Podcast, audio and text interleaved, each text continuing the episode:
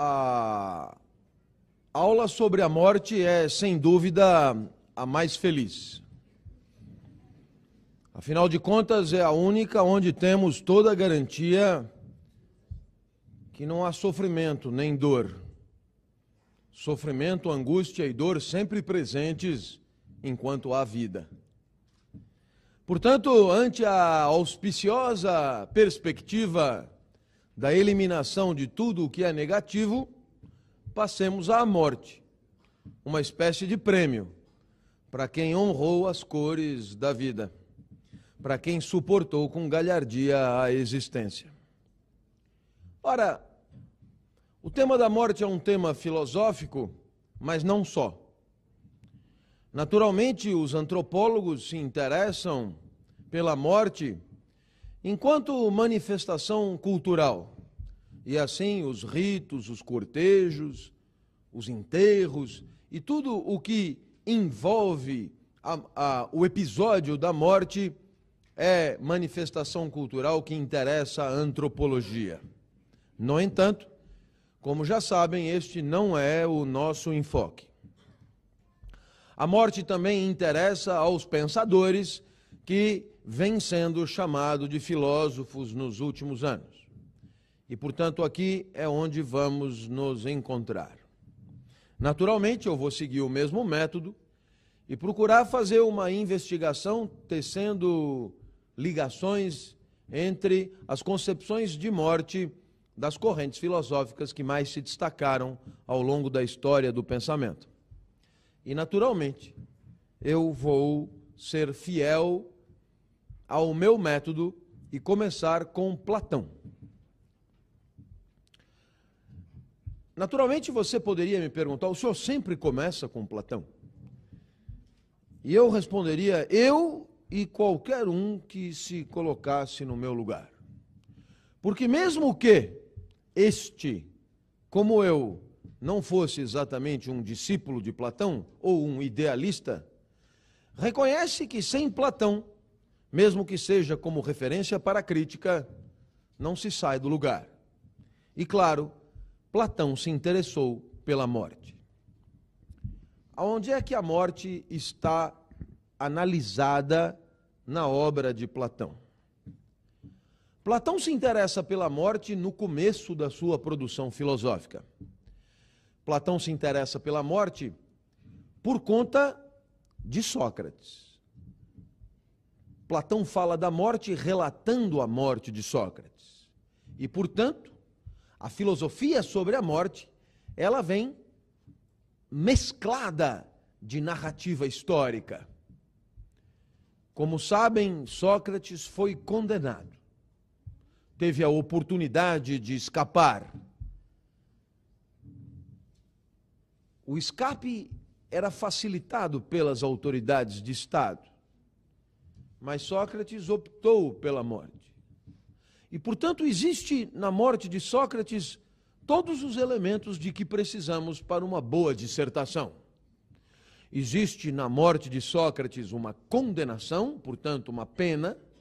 Existe na morte de Sócrates um homicídio, a eliminação da vida do outro por conta de terceiro, e existe na morte de Sócrates uma enorme componente suicidária. Tem tudo na morte de Sócrates. Por isso ela é tão útil para os filósofos. Por isso, a morte de Sócrates foi tema de vários dos diálogos de Platão. Naturalmente, dois se destacam. O primeiro deles eu recomendo a leitura Apologia de Sócrates. O segundo, Fédon. Os dois cuidam do que aconteceu com Sócrates. Os dois dão a palavra a Sócrates. Os dois dão a Sócrates a oportunidade de falar sobre o que significa estar na iminência da morte. E, portanto, os dois são verdadeiros tratados filosóficos sobre o tema. A grande frase conhecidíssima, uma espécie de jargão ou bordão da filosofia clássica, atribuída a Platão, filosofar é aprender a morrer. Ora, desta frase aprendemos muita coisa. A primeira delas é que o tema da morte faz parte da própria definição de filosofia. E aqui eu abro um parênteses explicativo. De uma certa maneira, nós poderíamos, ao longo destas aulas, nos propor uma espécie de definição de filosofia. Afinal de contas, o senhor aí se diz professor de filosofia, mas o que é propriamente isso? E, naturalmente, poderíamos constatar que, para muitos, filosofia é uma forma particular de pensamento crítico. Muitas vezes, é, pais de alunos, em dias de formatura, em dias de festa, é, vêm me agradecer em nome dos filhos, dizendo muito obrigado por ter permitido ao meu filho pensar melhor, pensar mais criticamente. Muito obrigado por ter colocado na cabeça dele alguma coisa para dizer. Muito obrigado por ter permitido um desenvolvimento das faculdades intelectivas. Ora, naturalmente isso, de uma certa forma, mostra uma certa concepção de filosofia própria ao senso comum, com a qual nós particularmente não concordamos. E por que não concordamos? Porque dizer que filosofia é uma forma particular de pensar criticamente, é uma espécie de doutrina do pensamento crítico, é uma espécie de método de pensamento, é, não permite uma boa definição. Porque não estabelece para a filosofia nenhuma especificidade, nenhuma fronteira que a demarcaria de tantas outras áreas do conhecimento. Meus amigos, somos forçados a reconhecer que até mesmo os políticos pensam criticamente, argumentam. Até mesmo os jornalistas pensam criticamente e argumentam. Até mesmo os comunicadores organizacionais, até mesmo até mesmo aqueles que não são nada afeitos a grandes abstrações, são capazes de ponderar, de argumentar, de defender seus pontos de vista, de criticar os pontos de vista é, por outros assumidos. E, portanto, dizer que a filosofia é isso é não lhe atribuir nenhuma especificidade. E é por isso que, procurando uma nova definição, eu aproveito esta cátedra para participar desta arena de luta pela definição legítima do que é filosofia. Os senhores deverão de me entender da mesma maneira que ciência não tem uma definição escrita em Júpiter, mas os agentes que lutam pela definição legítima de ciência lutam interessadamente é, para impor uma definição que deva ser aceita por todos de ciência, evidentemente o mesmo podemos dizer da filosofia. No lugar de uma única definição, um verdadeiro espaço social de luta pela definição legítima. E assim poderemos dizer que haverá tantas definições de filosofia quantos forem os membros do campo filosófico interessados em participar, em impor esta definição. Então aqui vai a minha. A rigor, estou absolutamente convencido de que a filosofia e toda e qualquer escola filosófica necessariamente apresenta três aspectos importantes. O primeiro desses aspectos é o que os gregos chamavam de teoria. Sabemos já que teoria quer dizer contemplação do divino, e quem teoriza, na verdade, observa o real e busca identificar o que no real há de divino. Mas por que divino? Ora, porque o homem enxerga no universo uma lógica de funcionamento que não foi ele que fabricou. E, portanto, supõe uma inteligência que o transcende e que facultou aquela organização. O homem disseca um sapo e percebe que o sapo não é um aglomerado caótico de partes que nada tem a ver umas com as outras. O homem abre um olho humano e percebe que o olho humano não é uma zona, o olho é lógico, o olho é compreensível, o olho é organizado, o olho é feito para enxergar, não poderia ser melhor do que aquilo para enxergar. Então o homem reconhece que existe alguma coisa que não foi ele que fez, que não foi ele que criou e que deu àquele olho alguma alguma lógica, alguma ordem. Cosmos e logos. E é por isso que o divino é o objeto da teoria, até etimologicamente. Teion orao, contemplação do divino. Contemplação de uma ordem que transcende a astúcia e a arte do homem. Naturalmente, toda filosofia tem uma teoria, uma explicação para o mundo, uma explicação para o universo. Toda filosofia também tem uma ética. E nesse sentido, entendemos por ética uma reflexão sobre a melhor maneira de viver. Uma reflexão sobre a melhor maneira de viver para o homem. Afinal de contas, o resto da natureza dispensa essa reflexão, vive como só poderia viver. Mas o homem, como já dissemos, este sim é artífice da própria trajetória, autor da própria existência. E, portanto, é claro, este homem, evidentemente, sendo o autor da própria vida, deve cogitar sobre ela. Perceba que prerrogativa fascinante a de pensar sobre a vida. Mas que fique claro, não se trata só de pensar sobre a vida. Não se trata de observá-la e comentá-la como se como se assistíssemos a um espetáculo que nos escapa e pudéssemos analisá-lo criticamente. Não, não é isso. A nossa vida não é um objeto científico da nossa análise. Não é isso a ética. A ética não é só pensar sobre a vida, é muito mais do que isso. É viver de acordo com o que se pensou. E aí vai toda a diferença. O homem, o homem abre um búfalo para ver como ele funciona por dentro e o búfalo continuará funcionando do mesmo jeito, independentemente da constatação que o homem faça. É? O homem analisa o búfalo, mas o homem não tem a prerrogativa de fazer o búfalo existir diferentemente do que existe. Já no caso da própria vida, o homem contempla a própria vida, analisa a própria vida, julga a própria vida, mas faz mais do que isso. Delibera sobre a vida. Portanto, a ética, mais do que uma análise, é uma deliberação sobre a vida, que talvez pressuponha a análise, mas é muito mais do que isso. A ética termina na prática, a ética termina no comportamento. Eu estava há 30 minutos pensando na melhor maneira de conduzir essa aula num quarto em cima deste, deste anfiteatro. E, naturalmente, quem pensa sobre a melhor aula a dar, é, é claro, faz ética e filosofa, filosofa sobre a própria vida.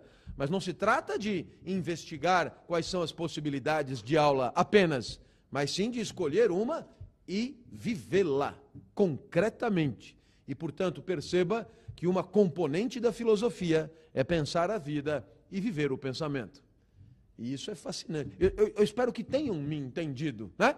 Eu espero que tenham percebido o quanto isso é absolutamente fascinante e misterioso, né? A possibilidade que temos de refletir sobre a existência, o que já é muito, mas de existir de acordo com a reflexão, isto é demais. Isto é verdadeiramente prime. Agora, claro, claro, a filosofia tem um terceiro elemento. E naturalmente esse terceiro elemento eu me permito denominá-lo de salvação. Naturalmente que a salvação filosófica é uma salvação sem Deus. E, portanto, não se confunde com a salvação religiosa. A salvação filosófica é uma salvação autônoma, isto é, você se salva a si mesmo, através do uso da intelecção, através da própria filosofia. Portanto, a filosofia é o instrumento intelectivo a partir do qual o homem se salva a si mesmo, com o perdão do exagero aí dos pronomes. Mas é para deixar claro que é bem mesmo a ideia da areia movediça. Você está afundando e você mesmo se puxa. Diferentemente da salvação religiosa, que aponta para um Deus transcendente e salvador. Agora você me ouve e diz, mas professor, eh, salvar do quê? E, naturalmente, quando se pensa em salvação, é importante que fique claro que a salvação sempre é em relação a algo negativo. Né? É, eu costumo brincar, não sei se já fiz essa brincadeira aqui, mas é, dificilmente alguém como eu diria: socorro me salva das garras de Juliana Paz. É absurdo. É, é, a, a, a, sal, a salvação é sempre é, ante um perigo. Né? A salvação é sempre ante um perigo. A salvação é sempre ante um, um medo, um temor, uma angústia, portanto, uma queda de potência. A salvação nunca é termo adequado para momentos de gáudio, de alegria e de vida boa. Então cabe a pergunta: mas a filosofia salva de que catástrofe? Né? A filosofia salva de que medo? A filosofia salva de que tipo de angústia? Ora, meus amigos, poderíamos fazer um inventário dos tipos de medo que podemos enfrentar, é, sempre lembrando aquilo que já dissemos em outros momentos, mas como temos aulas mensais, é possível que você, que você não tenha registrado na sua retenção seletiva que o medo é uma espécie de tristeza, uma espécie de queda de potência determinado por um conteúdo do espírito. Em outras palavras, o medo é uma tristeza cuja causa é um conteúdo da consciência. O medo nunca é determinado pela percepção do mundo em carne e osso. Mas o medo é determinado pela percepção de um mundo imaginado, suposto, cogitado, futuro ou pretérito, mas imaginado. Ora, que mundo imaginado, que temor, que medo a filosofia pode nos ajudar a vencer. Se fizermos um inventário dos medos é, que poderiam nos assolar, é, percebemos imediatamente que o primeiro medo de que podemos falar é um medo do mundo, dos seus corpos, dos encontros físicos que mantemos com o mundo. Isso nos faz pensar em quedas de avião, em quedas de penhasco, em encontros entre veículos, descarrilhamento de trens, etc. E, evidentemente, este é um medo que devemos considerar. Talvez a filosofia possa nos ajudar a enfrentar esse tipo de medo, mas talvez não seja o meio mais eficaz. Um segundo tipo de medo que nós poderíamos cogitar não é o medo da chuva, da tormenta, da maré, do avião, mas é o medo do outro, é o medo da sociedade, é o medo da civilização, é o medo das regras sociais, é o medo do ridículo, é o medo, é o medo do desmascaramento, é o medo de, da, da impostura, é o medo da denúncia, é o medo, enfim, que todos nós temos de enfrentar encontros com o mundo social que nos apequenam, que nos desmascaram, que nos fazem, como diz Goffman num lindo livro, pode anotar. Todo mundo me pergunta livro, vai aí o primeiro, velho, né? Que é, é Erving Goffman escreveu a teatralização da vida cotidiana, né? La mise en scène de la vie quotidienne, né? É, é, é, é, absolutamente fantástico esse livro, porque ele apresenta o conceito de perder a face.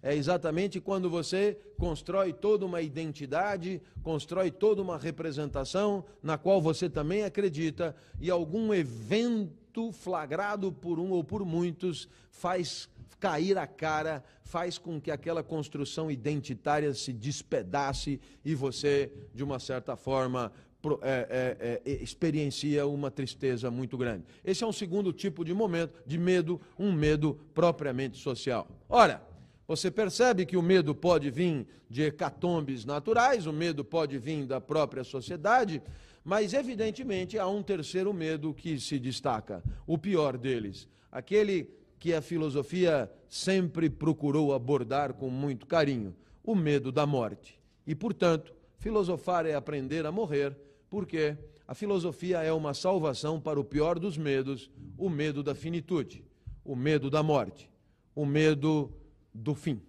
Ora, naturalmente, você poderia me perguntar, mas como assim filosofar é aprender a morrer?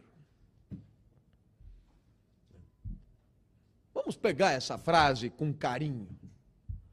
Afinal de contas, Vamos pensar na palavra aprender. Quando você aprende a dirigir, o que, que acontece? Você experimenta uma vez, experimenta outra, experimenta outra, e assim você vai aos poucos aprendendo a dirigir. Da mesma maneira, quando você aprende uma técnica cirúrgica, eu suponho que isto não se dá de uma vez só. E você vai experienciando, vai treinando até aprender. Da mesma maneira, quando você aprende a falar um idioma, você também vai aos poucos. Olha, a frase filosofar é aprender a morrer nos coloca diante de um enigma. Como alguém pode aprender a morrer se só morrerá uma única vez? É, é, é completamente absurdo é, que você pense em aprender a morrer, por quê? Porque a morte se apresentará de uma vez só, singularmente, não dando chance a maiores aprendizados. Então você concluirá, bom, então eu sempre achei esse Platão um idiota. É, não, isso nos obriga a supor que o morrer de Platão talvez não seja igual ao nosso.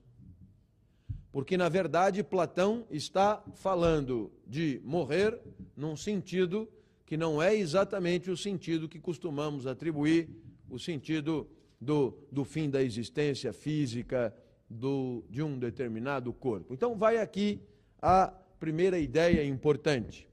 Para Platão, a morte é a separação do corpo e da alma. Perceba, meus amigos, que essa definição é uma definição absolutamente consagrada.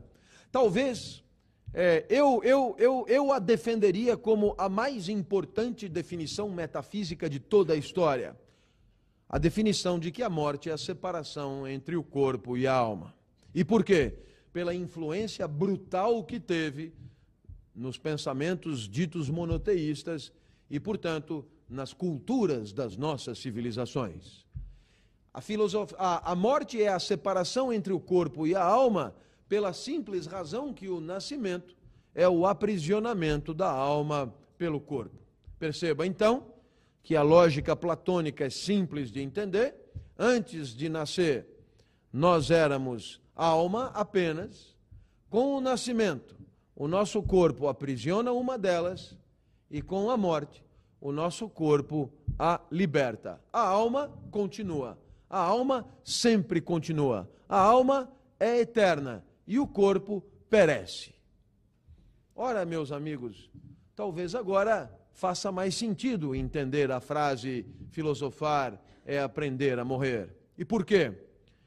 Porque o que Platão quer dizer é que quando filosofamos, vamos treinando a separação entre a alma e o corpo, de tal maneira que quando isto acontecer de vez, nem sequer nos daremos conta. Naturalmente, agora, você pode entender por que, que Platão também afirmou no Fédon que o verdadeiro filósofo já está morto. E o verdadeiro filósofo já está morto porque o verdadeiro filósofo já conseguiu o único verdadeiro objetivo da vida, que é manter o corpo controlado pela alma, manter a alma soberana em relação ao corpo. E, portanto, de uma certa forma, o fato do corpo estar ou não estar não faz diferença nenhuma. A vida do filósofo é regida pela alma, com corpo ou sem corpo, razão pela qual morte e vida se convertem em estados praticamente equivalentes. Nos dois casos, a alma comanda o espetáculo. Mas nem todo mundo é filósofo. E nem todo mundo é filósofo platônico. E o que, que acontece quando você não é assim? Bom, o que acontece quando você não é assim é que você, ao invés de ser regido 100% do tempo pela parte superior da alma, que é aquela acostumada às deliberações intelectivas em busca das verdades absolutas, você acaba sendo regido pelo corpo. Ora, meus amigos, aquele que não filosofa pauta a sua existência pelas necessidades do seu corpo. E esta é a pior das vidas possíveis. Filosofar é aprender a morrer, porque filosofar implica que o corpo, apesar de todas as suas lacunas, jamais tiranizará a alma e jamais será referência única de decisão sobre a vida. Mas como não somos todos filósofos, passamos a nossa vida inteira correndo atrás das lacunas do corpo, tentando saná-las, tentando reequilibrar um corpo feito para o desequilíbrio, feito para a carência feito para a insaciedade. Claro está, dirá Platão, que quando o corpo carece, é normal que ele busque no mundo aquilo que ele supõe possa reequilibrá-lo. E naturalmente, o corpo vai atrás de mundos que, associados a ele, poderão fazê-lo sofrer menos. E, portanto, é normal que quando você não é regido por valores absolutos e transcendentes, você passe todos os seus dias correndo atrás do que falta. Tem sede, bebe, tem fome, come, tem tesão, trepa, e depois do tesão come de novo, depois dorme, depois faz xixi, depois dorme de novo, e assim você vai tendo uma vida muito próxima da vida de uma girafa.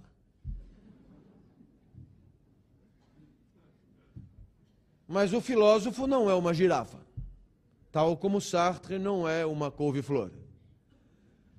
E não sendo uma girafa, o filósofo vive diferente. E é por isso que ele se prepara para a morte como uma girafa não pode fazer. Em que consiste isso? Filosofar é aprender a morrer, porque o filósofo pauta a sua vida por valores ou critérios existenciais que pré-existem às situações concretas de existência. Espero que me entendam. Vamos imaginar que os senhores tenham um amigo e que essa relação com o amigo seja uma relação como toda relação entre duas pessoas sujeitas a altos e baixos. E num determinado momento você não sabe se continua aquela relação ou não. E você e você hesita ao sabor das alegrias e das tristezas que o teu amigo te proporciona, você ora quer manter a amizade e ora quer descontinuá-la. E por quê? porque você está à deriva, sem âncora, à mercê das alegrias e tristezas de ocasião. Claro, como você poderia fazer diferente? Você nem sabe o que é a amizade. Como pode alguém viver bem na amizade sem saber o que é a amizade? E naturalmente, se você soubesse o que é a amizade, muito antes de ter esse amigo aí, você já saberia se ele é amigo mesmo, já saberia o que é preciso para que aquele amigo continue amigo, já saberia o que é preciso para que a descontinuidade da relação de amizade seja necessária, já saberia tudo e a vida seria muito melhor. Mas como você não sabe o que é amizade, como pode você pretender viver bem numa relação de amizade. é muito legal, cara. Muito legal.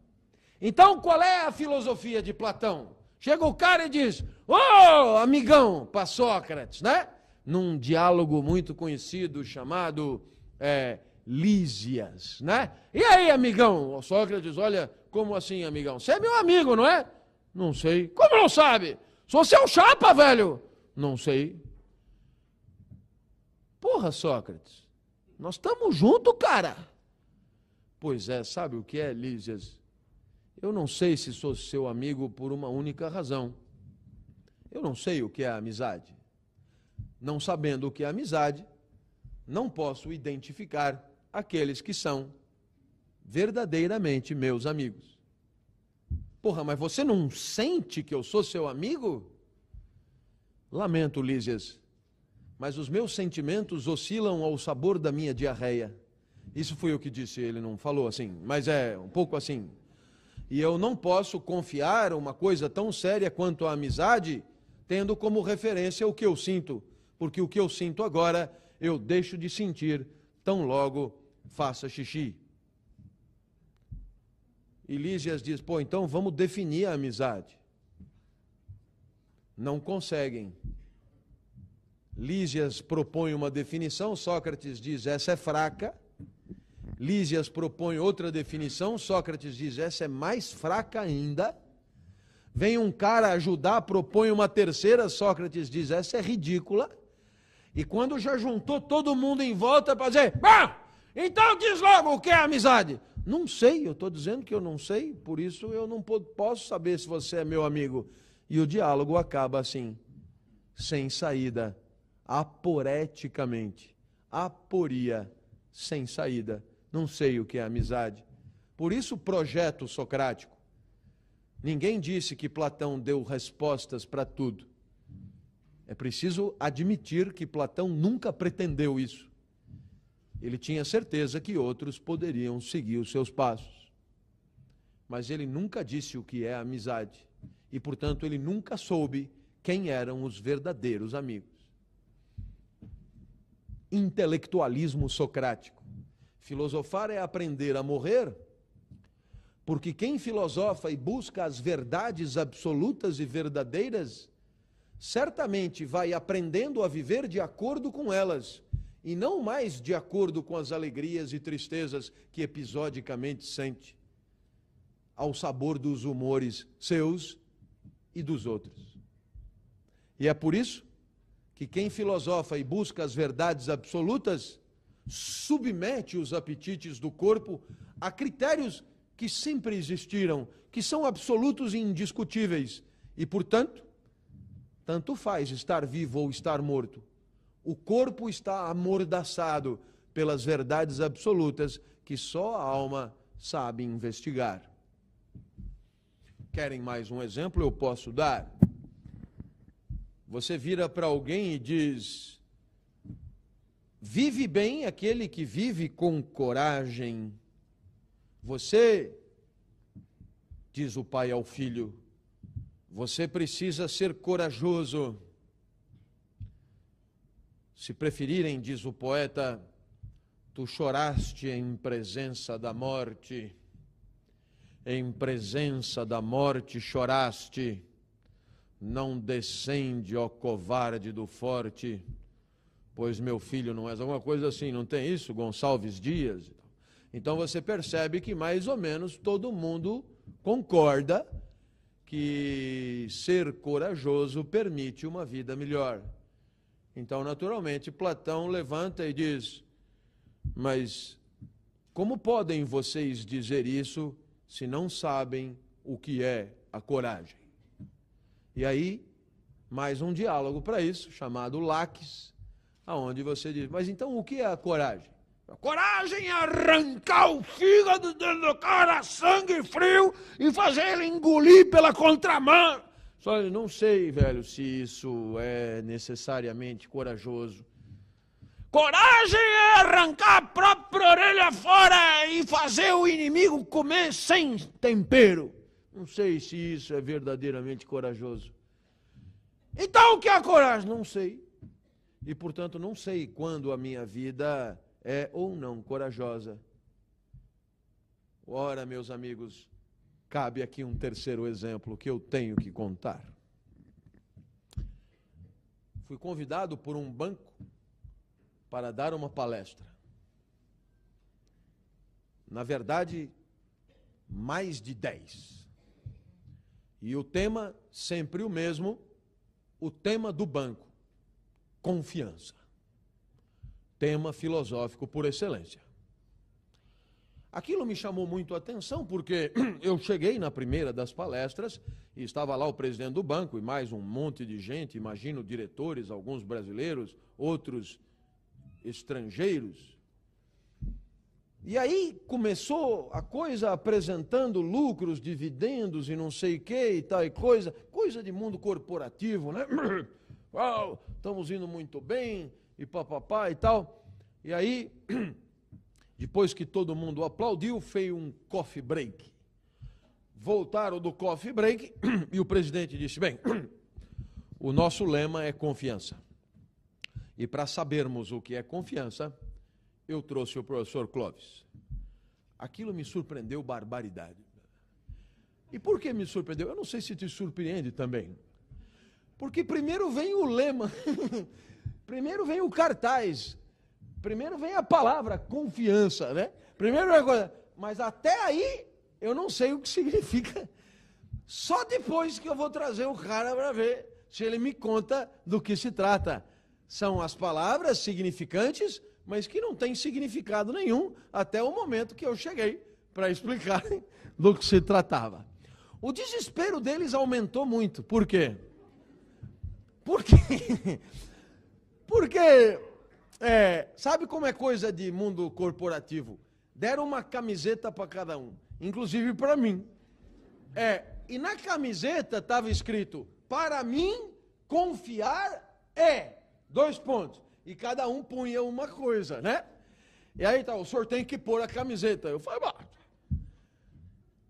na minha cabeça, com toda sinceridade, pelo dinheiro que estão pagando, eu ponho camiseta, ponho, ponho camisinha, ponho o que você quiser. Problema nenhum. Então, eu peguei uma caneta e escrevi, né? Então, botei a camiseta e botei o paletó por cima. Ideia palestra, né? Quando terminou, o senhor tá com a camiseta por baixo? Tô, pode tirar o paletó? Posso. E eu tinha escrito, confiar é, e embaixo, uma incógnita. o desespero foi grande, porque, claro, é, esperavam um fluxograma, né? esperavam um modelo, esperavam uma resposta pronta e encontraram da minha parte uma aporia, uma não resposta, um beco sem saída. Como é que eu faço? Se eu já fiz o cartaz com o, com o nome, sei lá, de qualquer maneira não tem muita importância. Porque se não tinha sentido até agora, agora pelo menos vocês sabem que não ter sentido único é bem normal e aceitável. Então que cada um fique com a sua confiança. Aliás, a própria camiseta já diz: para mim, confiar é. Ora, meus amigos, nada mais antiplatônico do que esta camiseta. Porque afinal de contas, como pode ter para mim amizade é, para mim generosidade é, para mim honestidade é? Como podem os valores serem um para cada um, se nós temos que nos relacionar? Como pode a vida ser buscada com rigor, se os valores vêm ao sabor dos delírios de cada um? Então, naturalmente, Filosofar é aprender a morrer. Exatamente porque quem filosofa pauta a vida pela razão e pela alma, e, portanto, quando o corpo morre, o filósofo nem percebe. Ora, naturalmente, essa perspectiva platônica nos permite, então, de uma certa forma, antecipar que sobre a morte existem duas grandes concepções que se enfrentam ao longo da história do pensamento. Na primeira delas, a morte é, como acredita Platão e seus herdeiros, e herdeiros nobres como Cristo, como Descartes, como Kant, como Hegel, a morte é uma passagem. A morte é a passagem de um tipo de vida onde corpo e alma estão associados para um outro tipo de vida em que só a alma permanece porque é eterna, atemporal e imaterial. Ora, se você pensar bem, a morte como passagem não tem nenhuma substância. Por quê? Porque ela é nada mais do que o trânsito de uma vida para outra vida. Razão pela qual a morte não tem nenhuma substância em si mesmo. A morte é um vazio de ser. A segunda concepção de morte é a concepção materialista. Vai nos propor que a morte é o fim. Mas não o fim de finalidade, como quer Platão, mas o fim de finitude mesmo. A morte é o fim, é o momento em que acabou, né? É o que os ingleses chamam com muita sabedoria de the end, né? É o fim. E perceba que, neste caso, a morte também não tem substância nenhuma. E por quê? Porque a morte se define pelo fim da vida, a morte se define pelo que ela não é, a morte se define tautologicamente, a morte se define pela sua negatividade e, portanto, a morte nela mesma não é nada. A morte não é nada, nem se houver outra vida, porque nesse caso o que há é outra vida, e a morte não é nada, nem se não houver outra vida, porque neste caso só há mesmo uma vida e a morte é só o seu término. Por isso, Heidegger definirá a morte como um vazio ontológico, um vazio de ser. E talvez por isso muitos tenham dito que jamais encontramos a morte, porque não há nada a encontrar.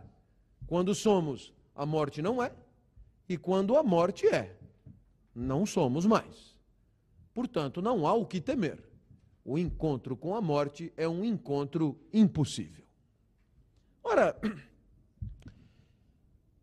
naturalmente, que quando você ouve essas reflexões platônicas, você percebe que para Platão, se a morte é a separação entre o corpo e a alma, e portanto a morte pode ser treinada durante a vida, Platão é o primeiro a trazer a morte para a vida. E de uma certa maneira, esta é a condição para que o tema morte tem, faça algum sentido. Porque se a morte não for trazida para a vida, é óbvio que discutir sobre ela não faria nenhum sentido, não teria nenhuma relevância. Mas é porque a morte está na vida, é porque a morte é uma, de, de certa forma, um jeito de viver que a morte nos interessa. Epicuro, na carta a Meneceu, também reflete sobre a morte. E é curioso que Epicuro usa praticamente os mesmos termos de Platão. E Epicuro também usa a ideia de que a vida é um exercício para a morte. Olha, meus amigos, só que a proposta de Epicuro não tem nada a ver com a de Platão. Como já pudemos dizer aqui, mas nunca é demais repetir, a vida boa para Epicuro é uma vida de prazer. E, portanto, naturalmente que a reflexão sobre a morte importa. E por quê? Porque a presença da morte na vida pode nos trazer desconforto, desprazer e dor. Em outras palavras, um dos grandes remédios que a farmácia de Epicuro nos traz para a alma da vida é não ter medo da morte, porque não há nada para temer. A morte é o não ser, e o não ser não tem nenhuma negatividade possível. Perceba que para Epicuro, a vida boa é uma vida prazerosa, mas a vida boa é uma vida prazerosa nos limites dos prazeres necessários e naturais, tal como eu expliquei no nosso último encontro. E, portanto, a vida boa para Epicuro é uma vida que respeita rigorosamente aquilo que o corpo reclama como necessário.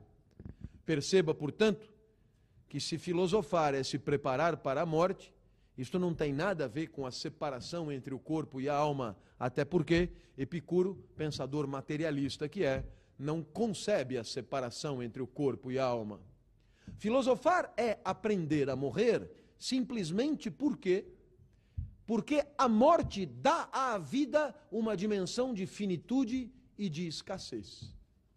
E, portanto, quando a morte determina a finitude da vida e determina, por consequência, a sua escassez, também lhe confere o seu valor, o seu valor de escassez. Em outras palavras, como afirma Epicuro, se vivêssemos eternamente, não haveria nenhum sentido filosofar. Não haveria nenhum sentido filosofar, porque se a, reflex... se a filosofia é a reflexão sobre a vida e a vida de acordo com o pensamento, por que tanta reflexão sobre uma vida que não terminaria mais? A filosofia, portanto, tem uma premissa, e a premissa é ter por objeto um bem escasso e finito. É por isso que a morte faz parte da definição de filosofia. A morte é tão óbvia que a gente nem considera mais na hora de definir. A gente pula, tamanha a sua obviedade. Mas poderíamos definir filosofia assim. Filosofar é pensar sobre a vida finita e deliberar a vida finita de acordo com o pensamento. Deliberar sobre a vida escassa de acordo com o pensamento.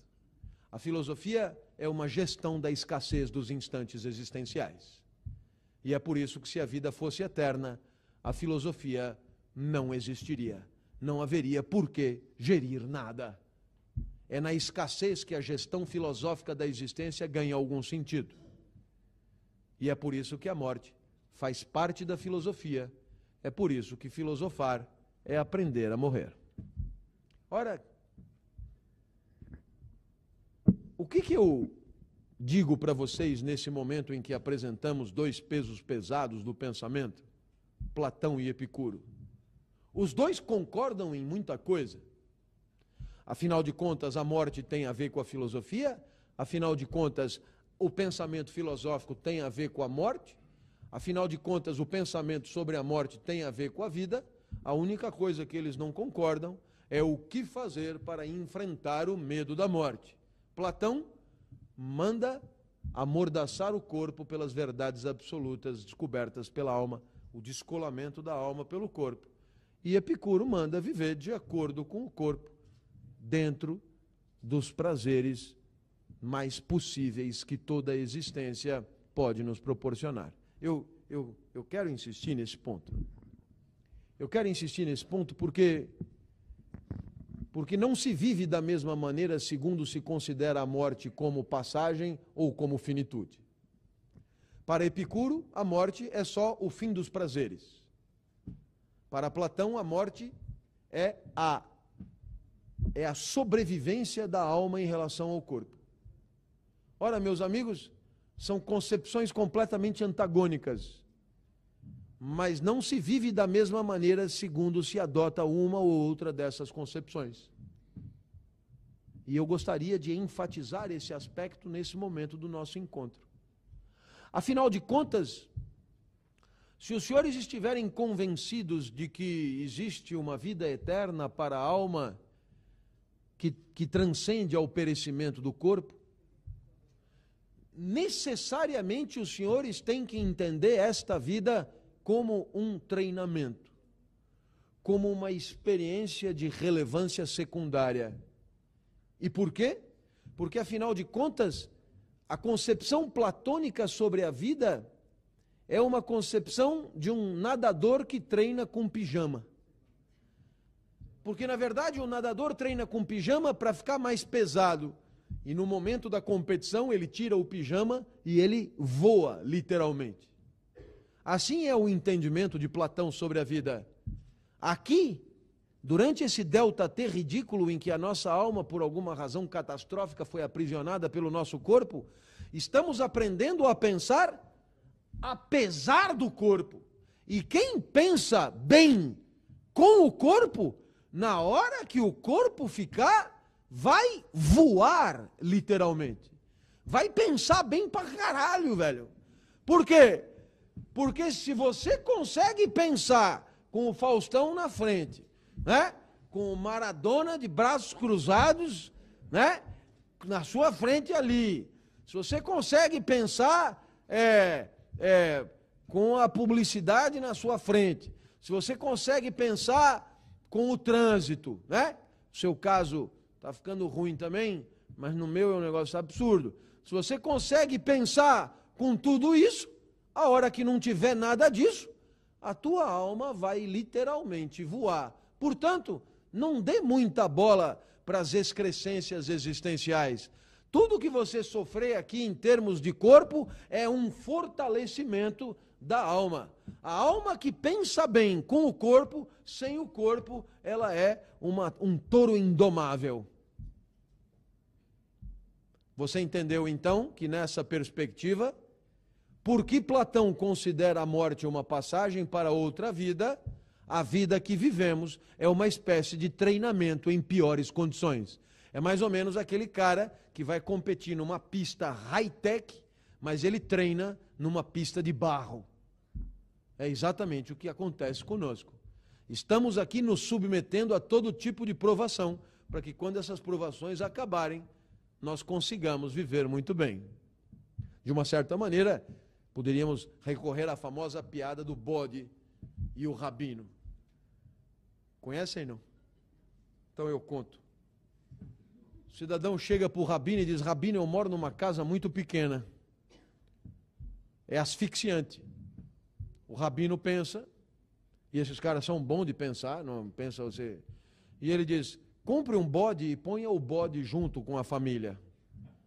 E naturalmente a família olha e diz: Mas rabino enlouqueceu, eu já estou dizendo que é pequeno, faça o que eu estou mandando, ponha o bode e deixe o bode ali. Um mês depois a família volta, a gente não aguenta mais o bode. Então tá bom, então pode agora se livrar do bode. E aí, naturalmente, a família percebe que a casa ficou enorme sem o bode. E o rabino, assim, resolveu o problema da família e da casa pequena, porque tirou o bode do problema. Pois a, a vida, o, o corpo é o bode. Não toma banho para você ver. Como lembra? O corpo é o bode. Então, se você aguenta com o bode, na hora que você eliminar o bode, velho, vai ser mortal, cara. Você vai ser um, um, um, um puta pensador. É essa ideia que você encontra nos diálogos Apologia de Sócrates e Fédon.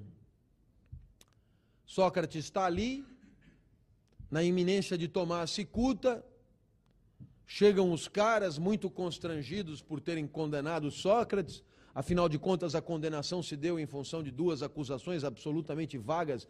Ele deturparia a juventude de um lado e não acreditaria nos deuses da cidade do outro lado, as duas absolutamente não verdadeiras, porque, em primeiro lugar, Sócrates era rigorosamente crente dos deuses da cidade, e, em segundo lugar, é, deturpar a juventude é alguma coisa absolutamente vaga. E, portanto, todo mundo menos um pouco constrangido com a condenação de Sócrates, chegam os caras e dizem para Sócrates: Meu, cai fora, velho. A única coisa que a gente quer é que você não fique aqui em Atenas. Mas pega as tuas coisas, cai fora, não toma esse negócio aí e vai viver em outro lugar o resto da vida que te resta. E Sócrates diz: Não vou. Eu vou tomar a cicuta. Até porque, se eu fugisse, estaria dando razão aos meus acusadores de não respeitar as leis de Atenas.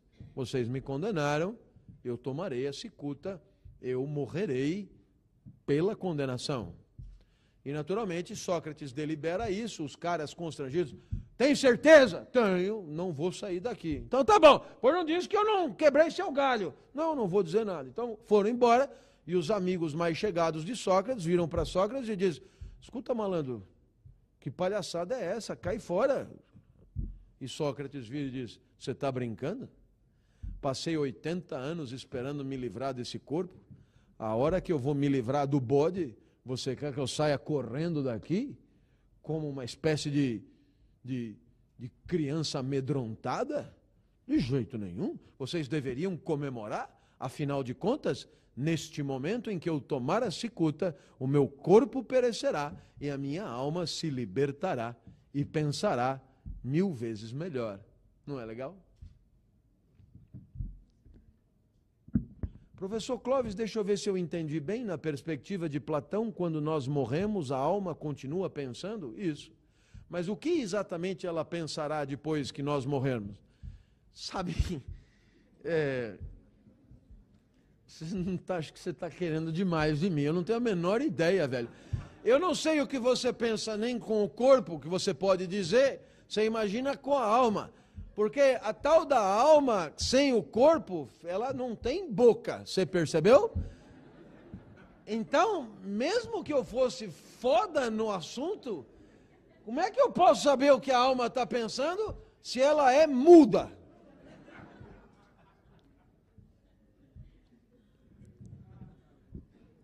O senhor está zombando de Platão. De jeito nenhum. Quem sou eu para zombar de um mestre como Platão? Bem, meus amigos, naturalmente que se você entender que a vida tem na morte o seu fim, você também não vive da mesma maneira. Afinal de contas, se você acreditar que acabou, acabou, se você acreditar, quer dizer, não, é, é, você percebeu, mas discurso de velório é 100% platônico, né? Você nunca viu num velório alguém chegar e dizer acabou, acabou.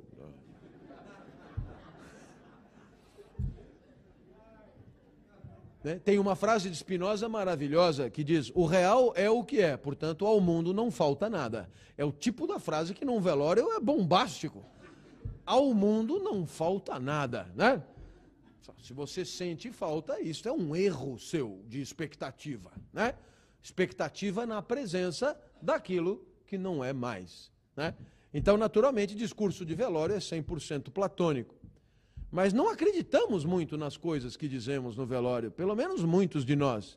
E, portanto, podemos muito bem aceitar que a vida tenha o seu término ali mesmo no último suspiro. E naturalmente aí não tem bode, não tem treinamento nenhum, não tem, não tem é, suportar aqui para voar depois. Não tem nada disso. A coisa é aqui e agora. Ela se esgota nesse momento. E, portanto, a existência corre na ampulheta. E a temporalidade do corpo é tudo o que é. E, portanto, a única vida a viver é essa de carne e osso. E, evidentemente, se a coisa corre na temporalidade da ampulheta, cada instante existencial, longe de ter a sua réplica no mundo da transcendência, cada instante existencial é irresgatável, irrecuperável e, portanto, deve ser vivido da forma mais intensa possível. Por isso vieram aqui e não optaram pelo último capítulo de Caminho das Índias. É porque esse instante é irrecuperável e a vida que aqui se escoa é dramaticamente petrificada numa eternidade à qual não terão mais acesso. As existências que existirão amanhã são outras, mas esta do período desta aula, esta é irrecuperável obrigado pela escolha, obrigado pela preferência. Não tem aqui nenhum treinamento. Ninguém aqui está nadando de pijama. Ninguém aqui está fazendo exame, é, é, treinamento com bode dentro de casa. Essa é a única vida que temos e, portanto, cada instante existencial ganha uma relevância dramática por ser irrecuperável a cada instante do seu escoamento. Bem. Naturalmente, dentro dessa perspectiva da disputa entre idealistas e materialistas, eu queria trazer um filósofo moderno que trata do tema com muita sabedoria, que é Montaigne. É, Montaigne, já devem ter percebido, é um autor é, de minha preferência, e Montaigne, é, nos seus é, ensaios, faz uma reflexão sobre o instante da morte. Montaigne também fala que filosofar é aprender a morrer. Montaigne, tal como Epicuro, também acha que a coisa corre na ampulheta e, portanto, filosofar é aprender a morrer. Por quê? Porque filosofar é aprender a, a despedir-se de cada instante irrecuperável que não viveremos mais. Se você, se você imaginar que você é sempre outro, podemos imaginar que existe uma morte correspondente a cada instante de vida, tal como o famoso corvo de Edgar Allan Poe, que passava todo o seu tempo dizendo nevermore, nevermore, nevermore, nevermore. Isto é, esta existência nunca mais, este corpo nunca mais, esta aula nunca mais, este instante nunca mais. A irrecuperabilidade dos fluxos existenciais faz com que possamos cogitar uma morte para, cada instante vivido. Por quê? Porque aquele que existiu naquele instante de fato morreu e deu origem a um novo agenciamento de matéria que novamente perece em nome de um outro e assim sucessivamente. Ora, mas Montaigne faz uma análise absolutamente diferente, que é a análise do instante da morte.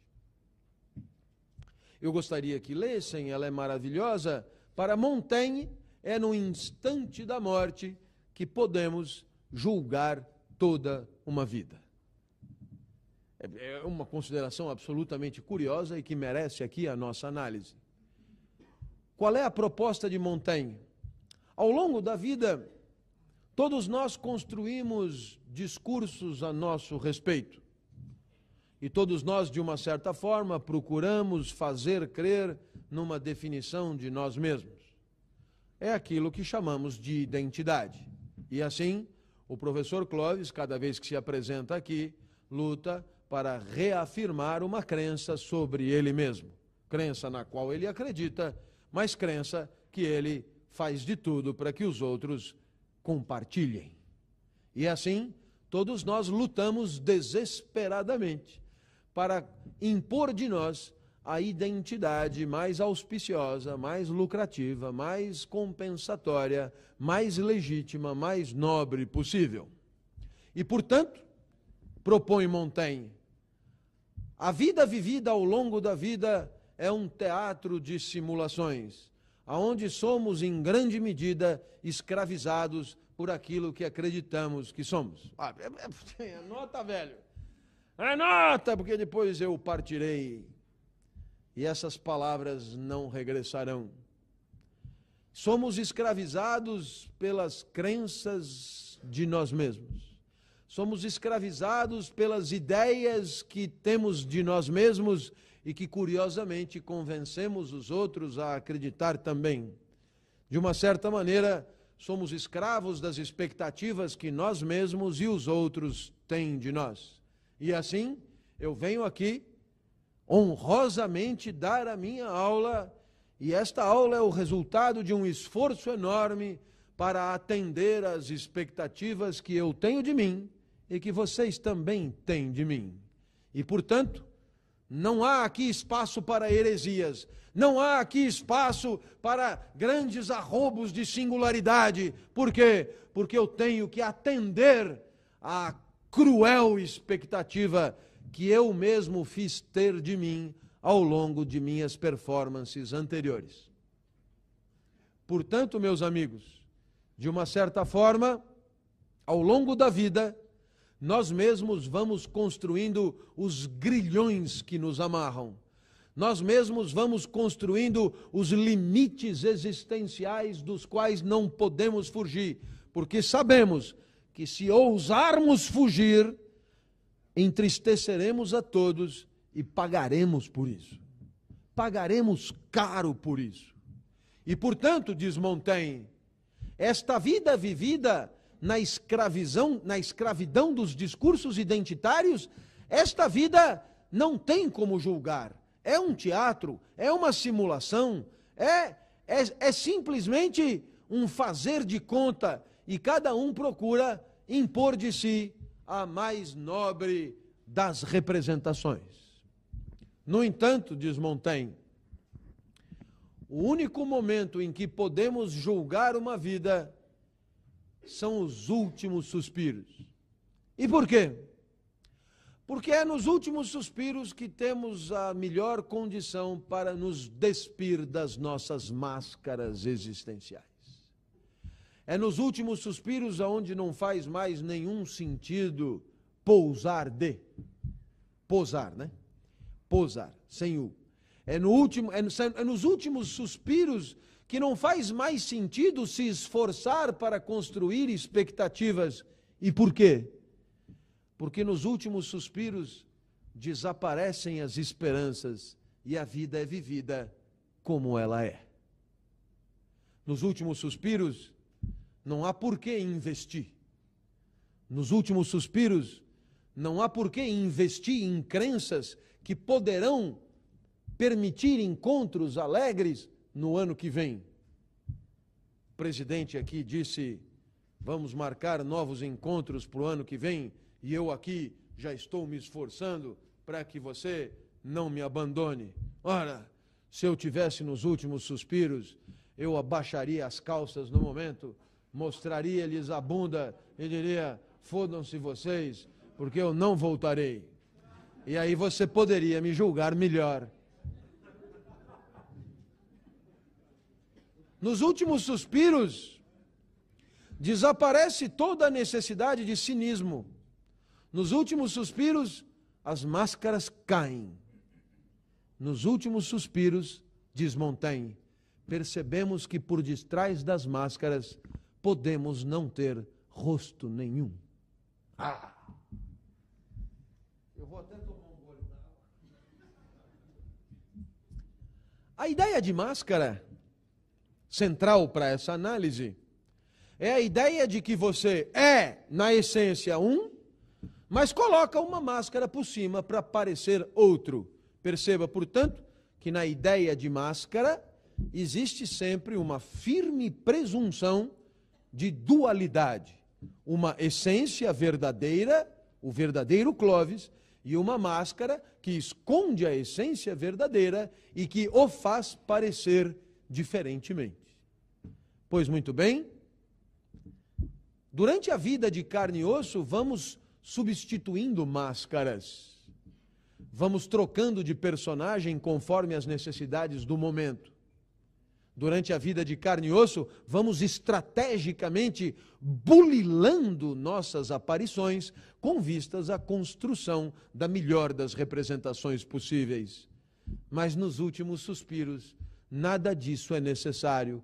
Podemos ir tirando as máscaras e podemos nos deparar com um vazio completo de essência, quando as máscaras de tão usadas, de tão frequentemente usadas, nos fizeram esquecer dramaticamente de quem éramos. E só sobraram mesmo as máscaras, máscaras que tamparam um rosto já deformado, já corroído, corroído pelo uso das máscaras, corroído pelo cinismo, de tanto ser cínico, já não sei mais quem sou. Os últimos suspiros permitem, portanto, um julgamento digno da vida.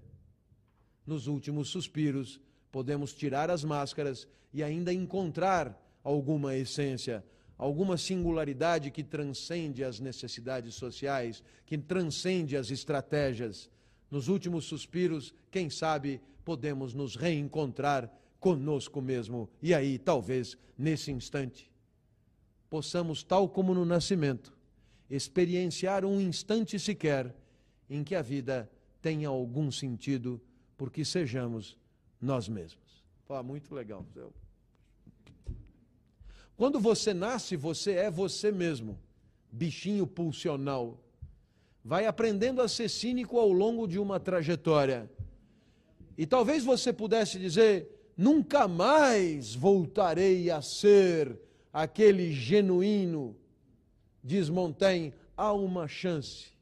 Quando você perceber que nada mais importa e no último suspiro, a reconciliação dramática consigo mesmo seja a única opção.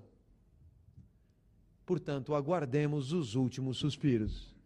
Mas enquanto eles não chegam, mantenhamos o cinismo. É isso que esperam de nós. Muito bom, hein, cara?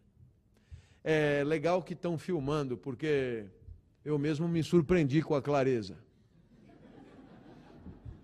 Eu costumo dizer que gostaria muito de ter sido meu aluno.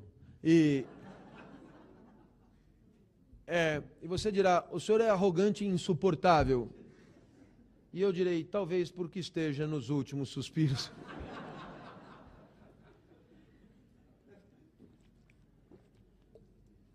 Mas se você quiser que eu seja cínico e modesto, eu posso tentar. Na sequência de Montaigne e Schopenhauer, de perdão, na sequência de Montaigne e Spinoza. Spinoza tem uma reflexão sobre a morte maravilhosa. Alguns dos senhores, antes da, da minha entrada aqui, vieram me dizer que a leitura do livro Ética à maneira dos geômetras trouxe tristeza, porque trouxe incompreensão. É, a leitura de Spinoza é, é árida. É, eu, eu, eu, há, há um milhão de razões para isso. Mas se você insiste né, em conhecer o pensamento de Spinoza, talvez valha a pena, no caso de Spinoza, é, ler comentadores primeiro. Né? Isso pode facilitar. Tem um livro da Marilena, pela editora Moderna, que é muito introdutório, né? É, eu mesmo escrevi um texto de introdução a Spinoza num livro chamado Os Pensadores, da editora carioca Relume do Mará. Né? É, é, o, o, nosso amigo Gilles Deleuze né? escreveu um livro sobre Spinoza chamado Filosofia Prática, que é muito legal, e, e muitos outros há. Né? Mas e ler Spinoza na raça, sem formação filosófica, é, pode se revelar uma experiência traumatizante. Spinoza fala sobre a morte. Acompanhem, por gentileza, não me abandonem não. Spinoza, como se lembrarão, é um filósofo materialista que considera que o homem tem uma essência e que naturalmente existe vida enquanto houver esta essência e esta essência é uma possibilidade de agir em função de uma energia vital, e essa possibilidade de agir em função de uma energia vital, ele vai denominar de potência. Né? Potência de agir. É, o senhor já falou disso, já. Né? A vida é a potência de agir. Em outras palavras, havendo vida, há essa energia que nos anima, que nos mantém vivos e que nos mantém, portanto, existindo no mundo. Então, de uma certa forma, analisar a vida de alguém é analisar as oscilações da sua potência de agir ao longo de um certo intervalo de tempo. Como o nosso corpo está no mundo, como o nosso corpo é parte do universo, e nós vimos na aula sobre Deus que esse universo para Spinoza é Deus, e portanto nós não somos filhos de Deus, mas somos partes de Deus para Spinoza, né? somos partes do universo e as partes do universo estão condenadas a ser parte. E, e o que é que uma parte faz? Ela constitui o todo. E como é que uma parte constitui o todo? Relacionando-se com outras partes. Impecável, velho. Eu vou repetir. Somos condenados a ser partes. O que é que uma parte faz enquanto parte constitui o todo? E como é que uma parte constitui o todo, relacionando-se com outras partes. Professor, esse seu discurso me irrita um pouco. Como assim eu parte? Eu sou eu. É? Mas é, é exatamente isso que aproxima o Spinoza do budismo. Budismo que preconizará, acima de qualquer coisa, que esta crença numa individualidade do ego é a fonte de todos os males. Se você se entendesse como parte do todo, certamente sofreria menos, porque teria de si uma expectativa mais baixa, né? Um low profile. Acho que ajuda. De tanto se achar tão bom, fica cansativo. Pode acreditar no que eu estou falando? É, a partir do momento que você começa a se achar uma individualidade inconfundível, um ser único criado por você mesmo no universo, uma coisa magnânime, fantástica, contra quem nada acontece, etc e tal, para bancar isso fica dramático às vezes, qualquer coisa te entristece. Mas você se, se você se entender como parte do todo, primeiro você vai se entender mais na boa. E segundo, vai respeitar mais o outro, que não é inferior a você, é tão parte quanto você. E que fique claro, qualquer outro, qualquer outro, independentemente de, de, de qualquer posição social que ocupe. Pois muito bem, nós então somos partes condenados a nos relacionar com partes. E naturalmente, o que, que acontece? Em nome do todo, que é eterno e que é Deus, nós que somos partes morremos. Portanto, na perspectiva de Spinoza, não é Deus que morreu por nós, mas somos nós que morremos em nome da eternidade do universo divino. E por que morremos? Pela mesma razão que as partes que constituem o teu todo estão morrendo para que você sobreviva. Você não percebe, e é gozado falar isso para médicos, mas nesse instante você está é, sendo palco né, fúnebre de células que desfalecem e desfalecem em nome do seu Senhor. E o seu senhor da célula é você, pois você também desfalecerá em nome do universo que você ajuda a constituir, relacionando-se com as outras partes. Portanto, perceba, a nossa finitude é consequência de sermos parte de um todo eterno, de um todo divino. Somos partes de Deus e finitos para que Deus seja eterno. Pois muito bem, mas por que morremos? Morremos porque existimos. Se não existíssemos, não morreríamos. Você diz, é meio óbvio. Não é não. Não é não. Porque existir é relacionar-se. E relacionar-se é, vem comigo, vem comigo. Existir é relacionar-se. E relacionar-se é afetar as partes com as quais me relaciono e ser afetado pelas partes com as quais me relaciono. E, portanto, se eu sou um corpo perecível, corruptível, deformável, transitável, se eu sou fluxo, é porque eu estou em relação com o mundo. Se porventura eu fosse blindado diante do mundo, eu não morreria. Eu morro de fora para dentro. Eu morro nas relações que mantenho com o mundo. Eu morro, portanto, porque sou parte que se relaciona com parte. Essa é a perspectiva de Spinoza. Perceba então que se existir é relacionar-se, morremos porque existimos. Se não nos relacionássemos e existíssemos, não morreríamos. Perceba que toda e qualquer ideia fantasiosa da bolha visa eliminar os encontros, eliminar as relações, e eliminando as relações, eliminar os efeitos que o mundo produz sobre nós, e eliminando os efeitos que o mundo produz sobre nós, eliminar a morte. Morre-se de fora para dentro. Ora, meus amigos, se morremos de fora para dentro, é... o que exatamente determina o nosso fim? E naturalmente, a análise spinozana, ela é magnífica nesse sentido. Porque Spinoza dirá: as nossas relações elas podem determinar no nosso corpo um ganho de potência e, portanto, um ganho de vida, e nesse caso, não há morte. Nesse caso, há alegria. É quando o nosso corpo se harmoniza com a parte que encontra compondo um todo mais potente. A alegria, portanto, ela é o resultado de uma harmonia entre partes que se relacionam. Razão pela qual toda alegria depende de variáveis que escapam ao controle daquele que é afetado por esta alegria. Ninguém se alegra sozinho, a não ser que seja bobo. Mas é evidente que o assunto alegria não é o de hoje.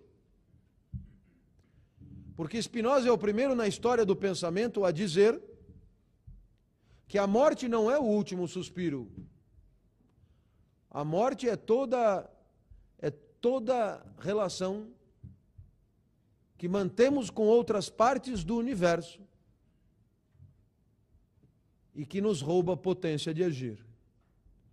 A morte é toda relação que nos apequena. A morte é o resultado no nosso corpo de uma relação que apequena nossa potência. A morte é a correspondente imediata de toda a tristeza. Só morremos de tristeza. Morremos a cada tristeza. Morremos a cada instante que o mundo nos entristece. Morremos a cada instante que o mundo que compõe com o nosso corpo, na verdade, o decompõe.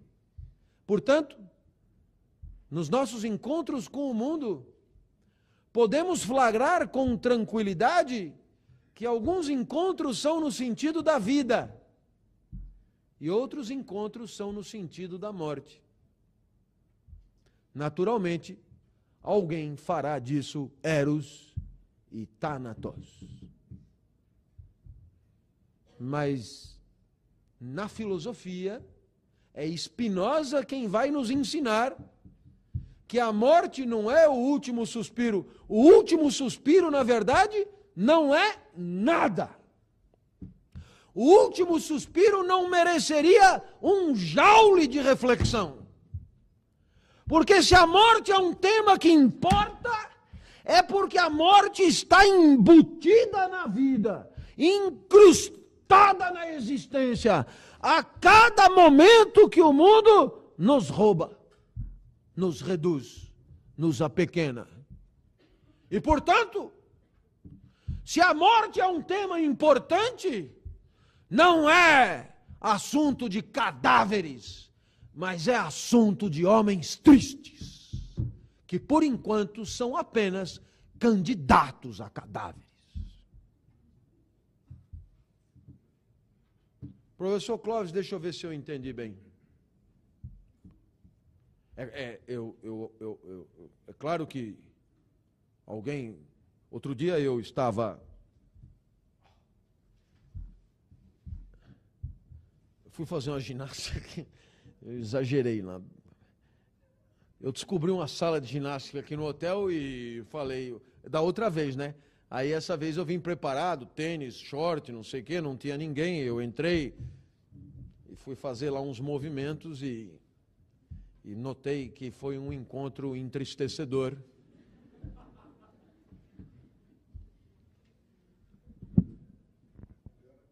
Outro dia eu, eu, eu fui correr também, depois, né?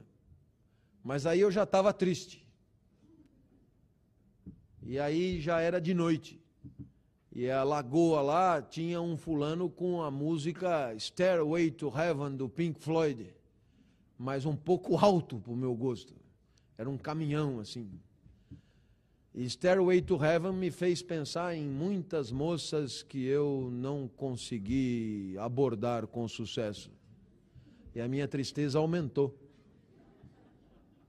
E eu ainda tive que vir correndo do Diabo do Lago até aqui. Quando chegou aqui, tem uma rampite até o hotel que eu resolvi enfrentar correndo. Quando eu cheguei na portaria, eu era um quase defunto. Tristezas em sequência, angústia pelo corpo inteiro. Mas aí eu fui para o quarto e tomei um banho e comecei a melhorar. E quando você apareceu diante de mim, todas as minhas forças se recuperaram. Obrigado pela vida. Mas eu estava conversando com um médico lá em São Paulo, um fulano que veio do Maranhão, e eu fui levar no Terraço Itália, não para que ele conhecesse, mas para que eu conhecesse. Claro que eu não disse isso, mas essa era a verdade, eu nunca tinha ido. É um lugar conhecido, é alto e tal, é bacana lá, muito caro assim, mas sim, enfim, você vê lá, coisa que. Né? Aí estávamos falando de taxa glicêmica, né? E aí alguém disse, é, muitas vezes a taxa glicêmica tem uma forte componente emocional. Eu, eu raramente abro a boca, até porque minha mulher não autoriza, né? Eu, mas dessa vez eu resolvi perguntar, né? Como assim componente emocional? Aí não veio resposta, mas eu supus que emoção do grego patos, emoção deve ter a ver com alegria e tristeza, e portanto poderíamos imaginar que a taxa glicêmica tem a ver com as alegrias e com as tristezas sentidas ao longo de uma certa trajetória. Mas a pessoa falou e o médico disse: Isso tudo é besteira! Tudo agora é essa porra de emocional. A taxa glicêmica é alta porque é alta e acabou. É preciso baixar na pílula. Não é essa né, tristeza e alegria, né? Eu ouvi tal e eu, eu achei esse, eh, essa reflexão fabulosa. Por quê? Porque, é, na perspectiva de Spinoza, se você por acaso desenvolve um problema qualquer setorizado no seu corpo, é claro que o problema é o problema, entendeu? Dor de garganta é dor de garganta. É, é sei lá, pedra no rim é pedra no rim. Você quer? Ah, claro. Agora, o que é que tinha antes disso? Por que que isto foi possível? É porque você estava fraco é porque você estava pouco potente. É porque você tinha pouca energia. E quando você tem pouca energia, é porque você perdeu energia. E se você perdeu energia, é porque você se entristeceu. Então, na verdade, estamos falando de momentos diferentes de análise. Uns cuidam da coisa depois de um certo ponto, e outros cuidam da coisa antes. Agora, claro, quando Spinoza diz só morremos de tristeza, ele não é idiota. Ele sabe que as pessoas morrem de câncer, morrem de coisa, é claro, mas o que ele quer dizer com só morremos de tristeza é que para chegar no câncer, o câncer não surgiu do nada, o câncer tem causas que têm a ver com o quê? Com a disposição para a existência, com a energia que o corpo conta para viver e esta depende demais dos encontros vividos e experienciados como partes que somos do mundo. Spinoza vai mais além. E Spinoza vai nos dizer que, da mesma maneira que o mundo pode nos entristecer, o mundo imaginado pode nos entristecer. Em outras palavras, Spinoza dirá que conteúdos de consciência podem determinar em nós perda de potência.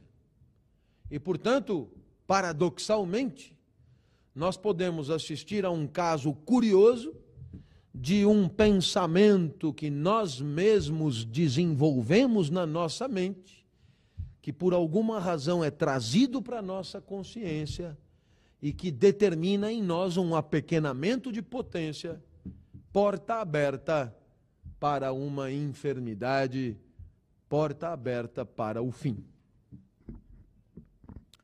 É, na perspectiva, eu, eu, ainda estou falando da morte na morte, né? É, eu, eu queria consagrar meia hora da minha aula, e talvez eu comece agora, para falar de um tipo particular de morte, e que é a morte deliberada. Aquilo que costumeiramente chamamos de suicídio. E por que razão eu consagro meia hora da nossa aula ao suicídio? Porque o suicídio é um tema filosófico nobre. Desde Sócrates, que na verdade se suicidou. Se vocês lerem a filosofia de Platão, não encontrarão Platão dizendo matar-se é bem legal. Até porque alguém logo poderia dizer, pois então, mate-se você. Mas você encontra em vários diálogos reflexões do tipo: quando o corpo não existir mais, a vida será muito melhor.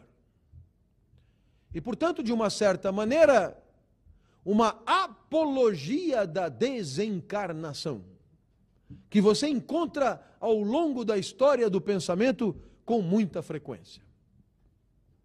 Eu gostaria de destacar duas concepções de suicídio que se destacam muito. Né? É, no mito de Sísifo, Albert Camus, na, logo na primeira página, ele arrisca, não sem algum risco, que o suicídio é o único tema filosófico que importa. Porque se a filosofia é uma reflexão sobre a vida e uma vida em função dessa reflexão, no final das contas, antes de eu decidir qual das vidas é a que vale mais a pena viver, seria preciso perguntar-se se alguma vida vale a pena viver. Será que existe alguma vida que vale a pena viver? E, portanto, o primeiro tema filosófico não é a identificação da vida boa, mas é perguntar-se se haverá possivelmente alguma vida boa. Porque se não houver, o suicídio é uma faculdade que nos é dada desde sempre. Ora, eu gosto de duas reflexões sobre o suicídio, entre milhares delas. Uma de Spinoza e outra de Durkheim, que, como sabem, é um indivíduo formado em filosofia, mas que no campo da filosofia estava embaçado para ele, e ele resolveu montar um outro jogo, uma outra maneira de pensar, uma outra maneira de investigar, com outros objetos de inquietação, e montou um negócio chamado sociologia com muito sucesso até hoje. É fácil perceber que Durkheim teve sucesso, porque o jogo que ele montou hoje é um jogo mais competitivo e com mais gente do que a própria filosofia da qual ele saiu. Comecemos com Spinoza. A reflexão spinozana sobre o suicídio encontra-se explicada magistralmente num livro chamado Comunicação do Eu, Ética e Solidão. O comentador é um tal Barros Filho, vírgula, C. Ponto, que comenta o suicídio em Spinoza e tem a felicidade de ter o verbete sobre suicídio do dicionário da Academia Francesa de Filosofia é, por mim escrito mesmo. É, é, um troféu do caralho, você não, você não tem noção. Né? Tem Rousseau, Voltaire e eu. E você dirá, e esse Rousseau e Voltaire, quem são?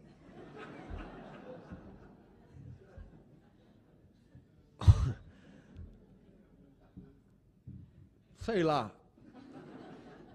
Puseram eles comigo, deram uma colher de chá, eu não, não achei ruim.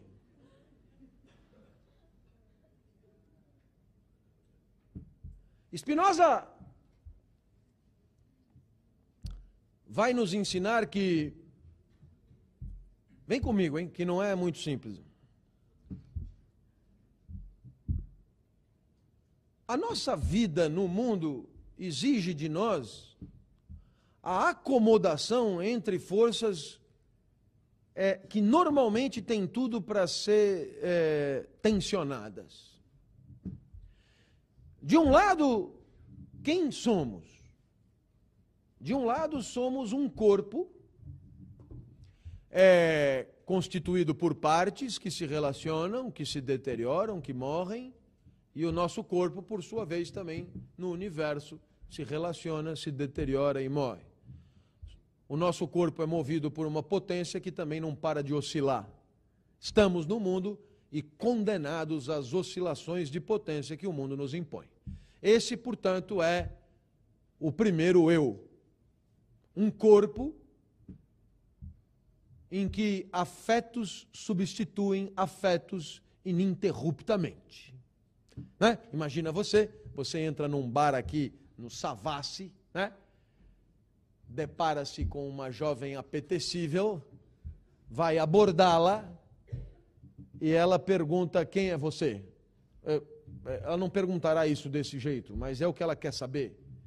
E você vira e diz: Eu sou uma arena de afetos em conflito. Eu sou alegrias que substituem tristezas, ao sabor de encontros que eu não controlo, e vou me relacionando com outras partes de Deus de maneira a constituí-lo e garantir-lhe a eternidade. É possível que a moça parta. Não é bem isso que ela perguntou. Quando ela vai partindo, você corre e diz: Não, não, não, não, não, eu também sou células que fazem mitose e meiose. Eu sou órgãos que digerem, que circulam sangue, que respiram ar, etc, etc. O máximo que a moça dirá, se for educada, é eu também. E é por isso que a constatação desse corpo não basta para o homem. Basta para a girafa, talvez, mas para o homem não basta. Porque o homem precisa existir simbolicamente. Há no auditório, para além da esmagadora maioria de representantes do mundo da medicina, há alguns professores de comunicação da PUC de Minas que me honram com a sua presença, e esses conhecem disso melhor do que eu. O homem precisa de símbolos. Precisa de símbolos para se comunicar com o outro e precisa de símbolos para se comunicar consigo mesmo. O homem é dotado de uma faculdade intelectiva que é recheada de símbolos. Quando você pensa, o que é que você articula para pensar? Palavras, não é? é? As mesmas palavras que você usa para falar com o outro. Portanto, sem os símbolos você nem pensa e nem se comunica. Portanto, o homem precisa existir também no mundo dos símbolos. Quem quiser ler mais sobre isso, tem um livro maravilhoso. É, de um neocantiano chamado Ernst Cassirer, né? em alemão Cassirer, né? É, sobre as formas simbólicas, né? teoria das formas simbólicas. Então, de uma certa maneira, o homem vive com o seu corpo desejante num mundo povoado de símbolos. E assim é graças aos símbolos que ele pode dar ao seu corpo algum significado para si e para o outro. Graças aos símbolos, um paciente chega para o médico e pode dizer aonde está doendo, porque ele diz, primeiro, que está doendo, o que não é óbvio. Segundo, está doendo aqui. E pois está doendo muito. A dor é aguda. Então é graças aos símbolos que o corpo ganha sentido para si e para os demais. Graças aos símbolos, diz Spinoza, todos nós, para existir em sociedade, precisamos ter uma definição simbólica. Aquela brincadeira que eu fiz com os afetos em trânsito é muito reveladora de que nós precisamos de uma outra definição para nós. Uma definição discursiva. Uma definição com palavras uma definição que permita, como qualquer definição, uma identificação em relação a todos os demais. A identificação de uma diferença específica. E assim eu costumo dizer que sou professor. Eu não digo que sou uma arena de afetos em convulsão. Eu digo que sou professor, que trabalho na USP, que dou aula de ética, etc, etc. E este é o meu discurso, este é a minha definição, esta é a minha identidade. Então, perceba que agora a coisa se torna complicada. Por quê? Porque você, por uma exigência da sociedade, você montou bem montadinho uma definição de si. Eu sou isso, eu sou aquilo, com atributos, adjetivos, substantivos. Você montou o seu esquema e você repete direitinho a sua lenga-lenga. Só que o seu corpo muda. E muda como? Ininterruptamente. E aí, o que acontece? O discurso que você tem sobre você tende a se manter para atender às expectativas dos demais, e o seu corpo vai desejando enlouquecidamente ao sabor dos encontros, ao sabor das alegrias e das tristezas. E quanto mais aceleradamente você encontra o mundo, mais o mundo te transforma aceleradamente, e mais aquilo que você acredita ser e diz para os outros que é, vai se tornando caduco e pouco representativo do corpo desejante e apetecível e, e, e, afetivo de que você dispõe. Entendeu? Você vai dizer, o senhor não está falando do suicídio? Você não entendeu que eu estou chegando lá? Por quê? Porque uma coisa é você dizer o que é. E como você não é necessariamente cínico ou idiota, você acredita no que você diz que é. E a outra coisa é o teu corpo que vai embora, mitose, meiose, desejo, trânsitos, novas experiências, células que morrem, neurônios que morrem, etc e tal. Chega uma hora que você tem que mexer num ou no outro. Em outras palavras, chega uma hora que o discurso que você tem sobre você não dá conta da efervescência afetiva que constitui o corpo que você também é. Chega uma hora que você tem que chegar para você e dizer: Eu não sou aquilo que digo que sou. Chega uma hora que você tem que dizer para os outros: lembra que eu falei que eu era isso, gostava disso, que eu. É mentira, velho. Talvez tenha sido verdade, mas não é mentira. Lembra que eu falei que eu te amava? Então. Passou uma bunda ontem na minha frente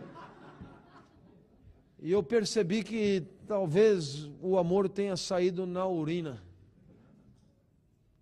Lembra que eu falei que eu gostava de dar aula? Então, eu estava dando aula ontem e um aluno, velho, um aluno levantou, foi até a janela. Eu até me preocupei porque eu falo muito de suicídio e às vezes. O aluno foi até a janela do terceiro andar, olhou para baixo enquanto eu falava, e ele disse: Ô Brunão! E o, o Brunão não ouviu, eu acho. Porque o aluno repetiu: Ô Brunão, caralho, aqui em cima, fora! Isso enquanto eu estava dando a aula, e aquilo me entristeceu fudidamente. Lembra então que eu falei que eu gostava da aula? Então, não quero mais dar aula, não. Pelo menos não para essa gente, velho. Não pro, não pro Brunão. Nem pro amigo do Brunão. Ah, mas você disse que gostava. Eu disse, eu disse. Eu disse. Porra, você tinha o maior tesão da aula. Eu, eu tinha, né? Eu tinha. Você também gostava de. Pois é, eu também gostava de. Agora não mais. É, é. É, você também gostava de mulher. É, mas. É, é. é que nem sempre é fácil você consertar. Filho do general brochado, herói de guerra, moleque preparado para ser um rambo,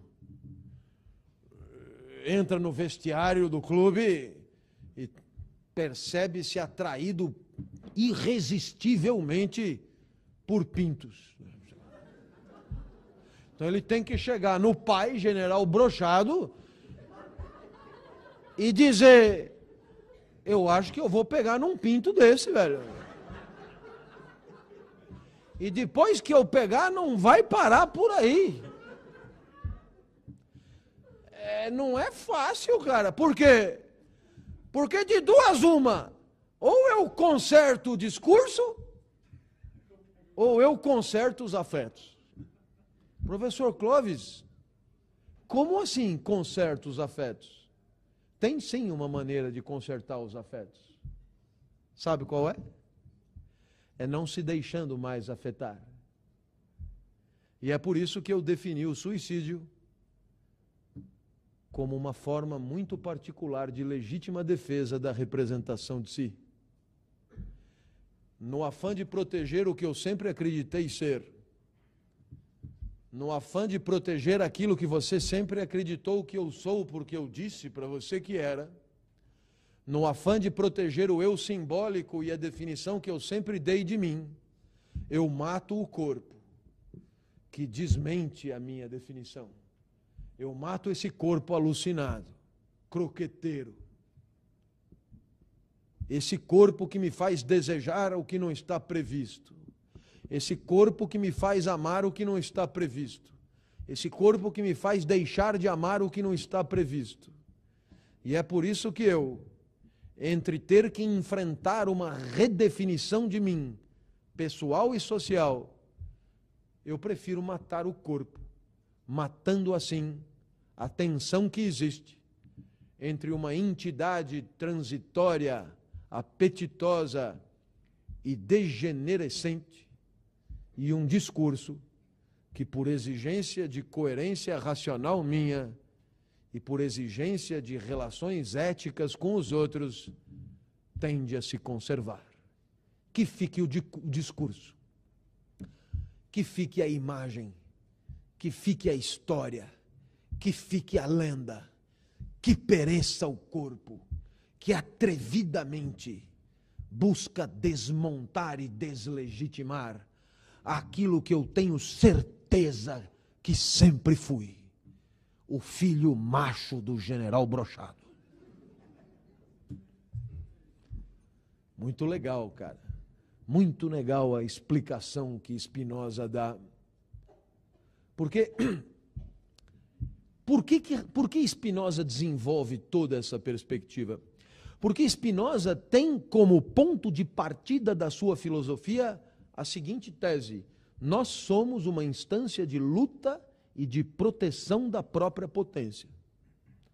Por exemplo, o cara que se mata, ele não protege a própria potência. E Spinoza dirá: protege sim. Porque o suicídio é a legítima defesa de algo que procuramos proteger a qualquer preço. E o que é que nós procuramos proteger a qualquer preço? porque é fonte das nossas mais sinceras alegrias. É a nossa fama, a nossa notoriedade, a nossa imagem, a representação que temos de nós mesmos e que compartilhamos com os demais. Durkheim vai falar de suicídio num livro chamado O Suicídio. Le suicide.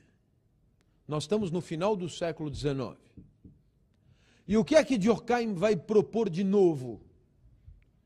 É que o suicídio é um fato social. Naturalmente você olha para mim e diz, mas professor Clóvis, o suicídio é um ato íntimo. O suicídio é um ato do eu consigo mesmo. O suicídio é um ato privado. O suicídio nada tem de social. Então, Durkheim me explica. Se eu conseguir mostrar que um ato tão aparentemente privado é um fato social, imagine o resto, vai ficar ainda mais fácil. Então, vou pegar este que é um grande desafio. Qual é a proposta que vai nos fazer Durkheim. Todo indivíduo que se suicida é triste. E não é qualquer tristeza. Todo indivíduo que se suicida cogita a abreviação da existência por considerá-la insuportável. Você percebe que o suicídio não é a abreviação da existência. O suicídio é a abreviação de uma existência concreta, de carne e osso, muitas vezes insuportável. Não é a abreviação de uma existência teórica. Não há que pensar no suicídio em termos da abreviação teórica da vida, porque não há vidas teóricas para abreviar, só há vidas de carne e osso, e essas podem mesmo ser insuportáveis. Só que, diz Durkheim, nem todos tristes apertam o gatilho. E, portanto, propõe Durkheim, as variáveis que determinarão a opção pela abreviação da existência no caso de tristeza aguda, em detrimento de outras soluções de preservação da vida, são variáveis sociais.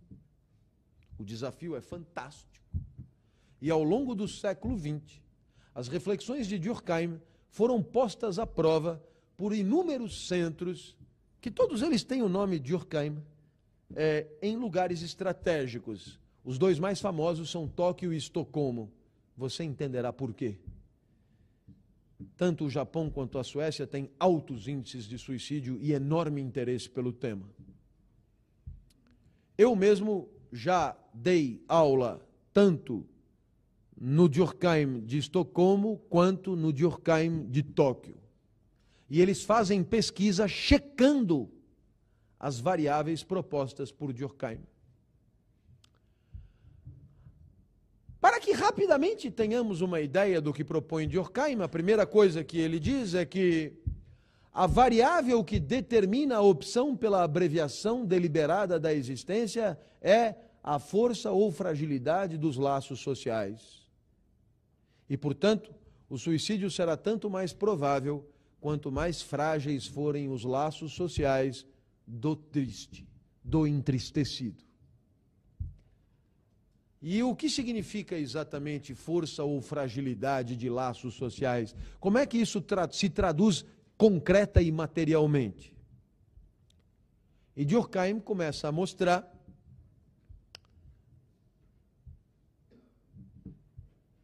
que indivíduos casados se suicidam menos que indivíduos solteiros. Essa variável é uma variável que nunca mais foi desmentida em lugar nenhum. E você dirá, ah, o casamento, o casamento salva a vida e no entanto o casamento é às vezes tão ruim. Pois é, mas na hora de apertar o gatilho, a mera existência de um cônjuge parece ser o que Durkheim chama de fator protetivo da vida, e você vai encontrar outra solução para suas angústias.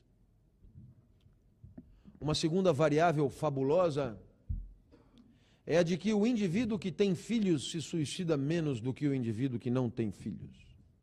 E que o índice do suicídio cai quando esses filhos são economicamente dependentes. Porque quando você está triste, na hora de puxar o gatilho, e todos aqui já cogitamos em abreviar a existência, não precisa ser como eu, que cogita diariamente, mas é. Todos já cogitamos alguma vez, e quando você tem filho pequeno, é outra coisa. E muitas vezes não nos matamos por amor. O que, que vai acontecer sem mim? E muitas vezes, por conta da tristeza do outro imaginada por você, você decide viver mais um pouco. Eu mesmo já calculei. Eu tenho uma filha de sete anos, acho que ela precisará de mim até os 27. Eu estou com 43, até os 63 eu continuarei falando desses temas. Estava pensando até em ter mais um filho agora para ver se eu estico um pouquinho mais.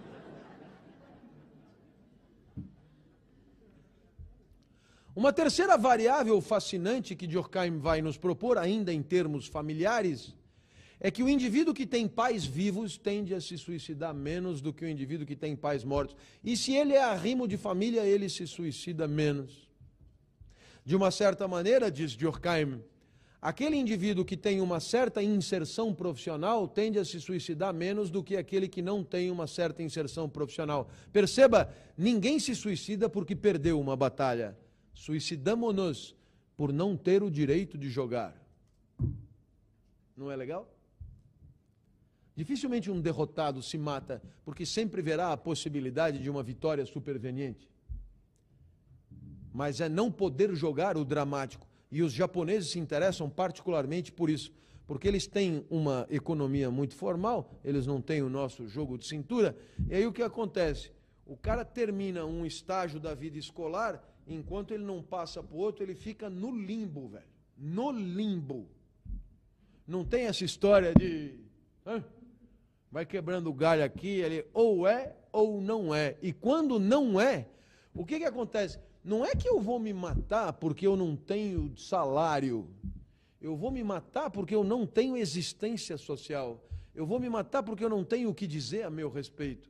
Eu vou me matar porque eu não sou nada. Quando alguém pergunta para você quem você é, só te sobra dizer: eu sou um poço de tristeza. Por quê? porque eu não trabalho em lugar nenhum, eu não estudo em lugar nenhum, eu estou no limbo, eu não dei o salto que precisava dar.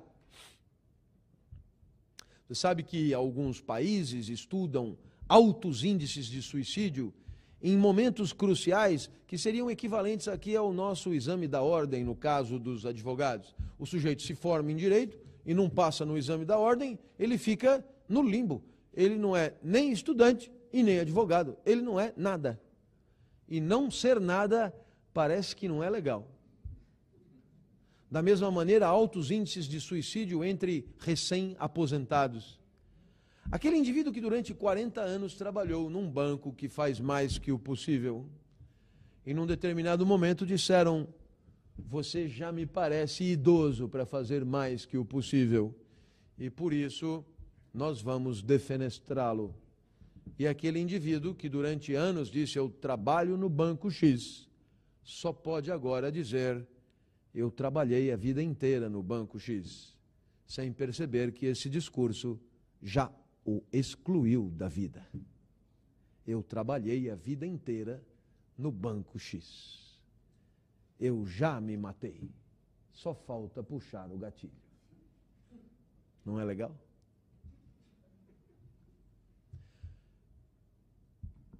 Durkheim proporá que indivíduos que frequentam cultos religiosos se suicidam menos do que indivíduos que não frequentam cultos religiosos. E naturalmente Durkheim tira o sarro e diz: e não é porque Deus não deixa que você se suicide. É porque a frequência aos cultos religiosos permite a construção de laços sociais que dão à vida alguma existência. E Durkheim dizia: os católicos se suicidam menos do que os protestantes. Por quê? Porque a, o culto católico pressupõe mais tempo de presença na igreja, blá blá blá blá, blá coisa que hoje em dia essa variável, por conta do, da mudança dos cultos, etc., hoje em dia isso já não é mais comprovado, mas é a única variável que hoje já não, não, não, não cola mais. Da mesma maneira, que aquele indivíduo que trabalha com muitos colegas, ele tende a se suicidar menos do que o seu patrão que trabalha isolado. E o seu patrão ganha cinco vezes mais do que ele. E, portanto, a tese de Durkheim é muito clara: o suicídio nada tem a ver com a pobreza. Aliás, Estocolmo e Tóquio dispensam comentário. O suicídio nada tem a ver com a pobreza, porque a causa do suicídio não é econômica. A pobreza traz tristeza, mas a, a, a, a, pobreza não determina a abreviação deliberada da existência. O que determina a abreviação deliberada, deliberada da existência é uma sensação muito particular de isolamento e de solidão. Não ter o que dizer sobre si. Percebam, meus amigos, que esta reflexão que fazemos agora sobre a morte deliberada é uma reflexão que cada vez se inscreve mais numa lógica de construção de sujeitos que se alegram e se entristecem, não mais em função do pôr do sol, mas em função da posição social que ocupam, dos encontros sociais que mantêm com os outros, das alegrias que sentem e das tristezas que sentem, em função das vitórias que oferem, das derrotas que suportam nos diversos jogos que jogam na sociedade.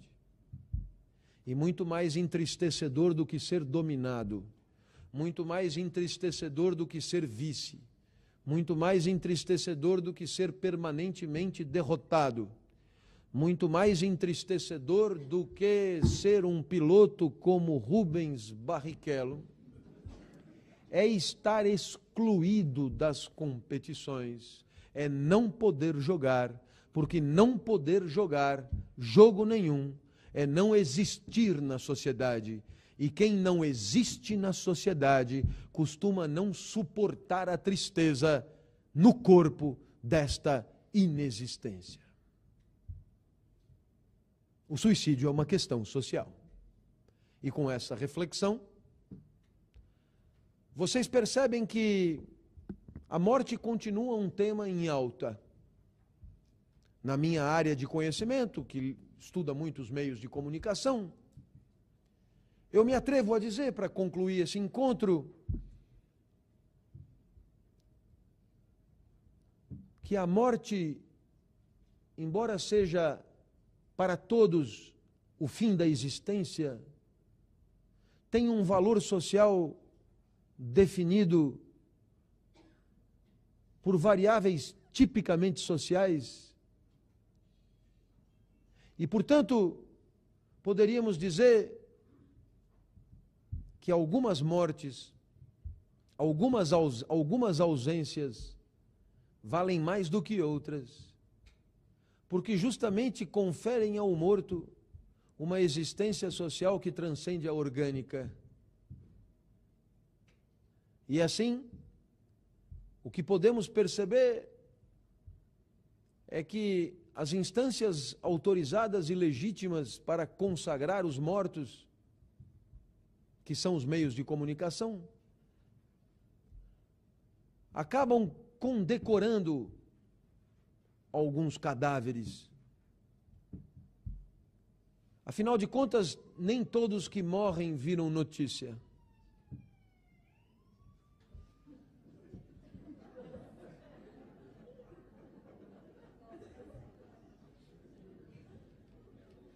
Nem todos que morrem viram notícia.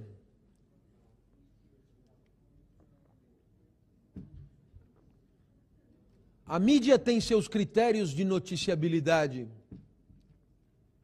E os critérios de noticiabilidade da mídia são critérios classistas. Afinal de contas, quando um avião da Air France cai, nós temos direito a um desfile de identidades com nomes, sobrenomes, endereços, posições ocupadas e até mesmo momentos agudos da trajetória de cada um. Mas quando é uma chacina numa favela, nós temos direito a um número. Morreram 200. Você percebe que dependendo da posição que você ocupava no mundo social em vida, você terá direito a uma existência social pós-mortem ou não. Naturalmente, naturalmente quando em São Paulo um universitário é assassinado saindo da USP, ele tem direito a uma página de jornal. Eventualmente, um calouro de medicina afogado numa piscina de um centro acadêmico, a três, quatro páginas de jornal. Mas quando não é calouro de medicina, é preciso afogar pelo menos uns 30 ou 40 na represa Billings para merecer uma tripinha, aonde se noticiarão que 30 ou 40 moradores de algum bairro desconhecido foram nadar e se afogaram. Você percebe, portanto, que, de uma certa maneira, a morte do corpo não põe fim à vida dos símbolos e dos discursos. Naturalmente que para aqueles que não têm a envergadura de merecer uma cobertura jornalística,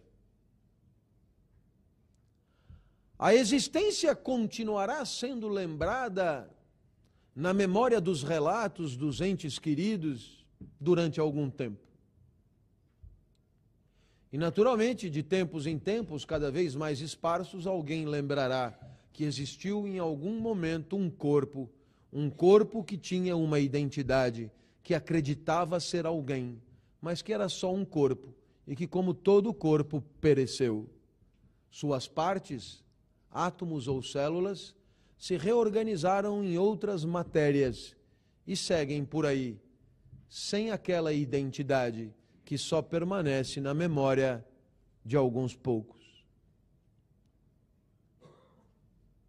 É claro que isso é assunto da morte porque a morte interessa enquanto estamos vivos, mas a morte também interessa para que a nossa existência permaneça no mundo dos símbolos, para que aquilo que falem de nós depois que morrermos, embora não nos afete mais,